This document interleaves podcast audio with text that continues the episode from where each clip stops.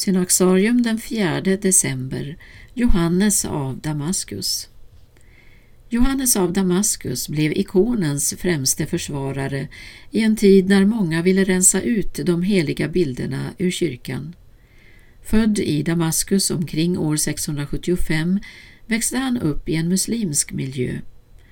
Johannes farfar och far hade haft ledande ställningar som tjänstemän hos kalifen i Damaskus och Johannes själv blev statssekreterare i kalifatets finansministerium.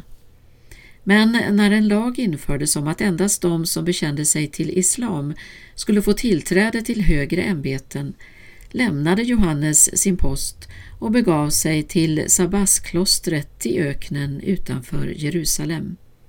Där vigdes han till munk.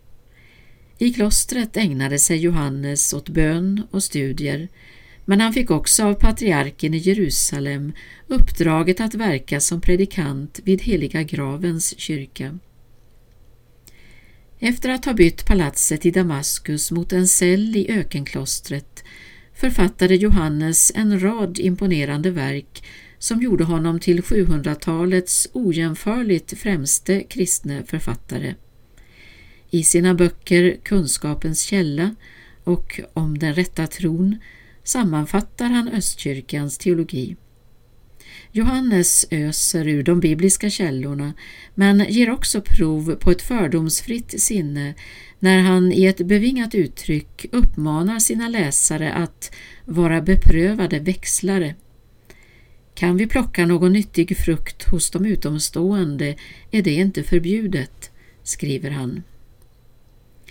När bildstriden blossade upp tog Johannes klar ställning för den heliga bilden och författade tre skrifter till ikonens försvar.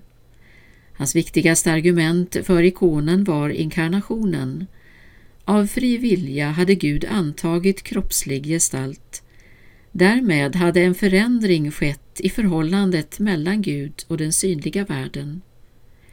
Jag återger Gud, den osynlige, inte som osynlig, men i den mån han blivit synlig för oss genom att anta kroppslig gestalt, skriver Johannes.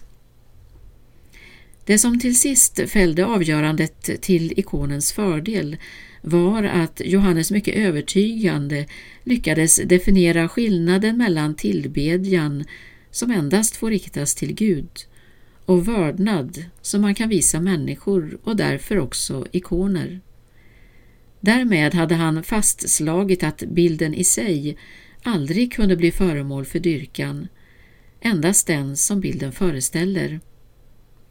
När den troende kysser ikonen är innebörden inte någon annan än när den älskande tar fram ett fotografi av sin älskade och kysser bilden.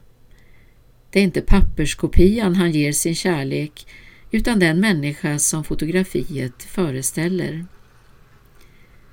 Johannes av Damaskus dog i Sabbatsklostret den 5 december år 749.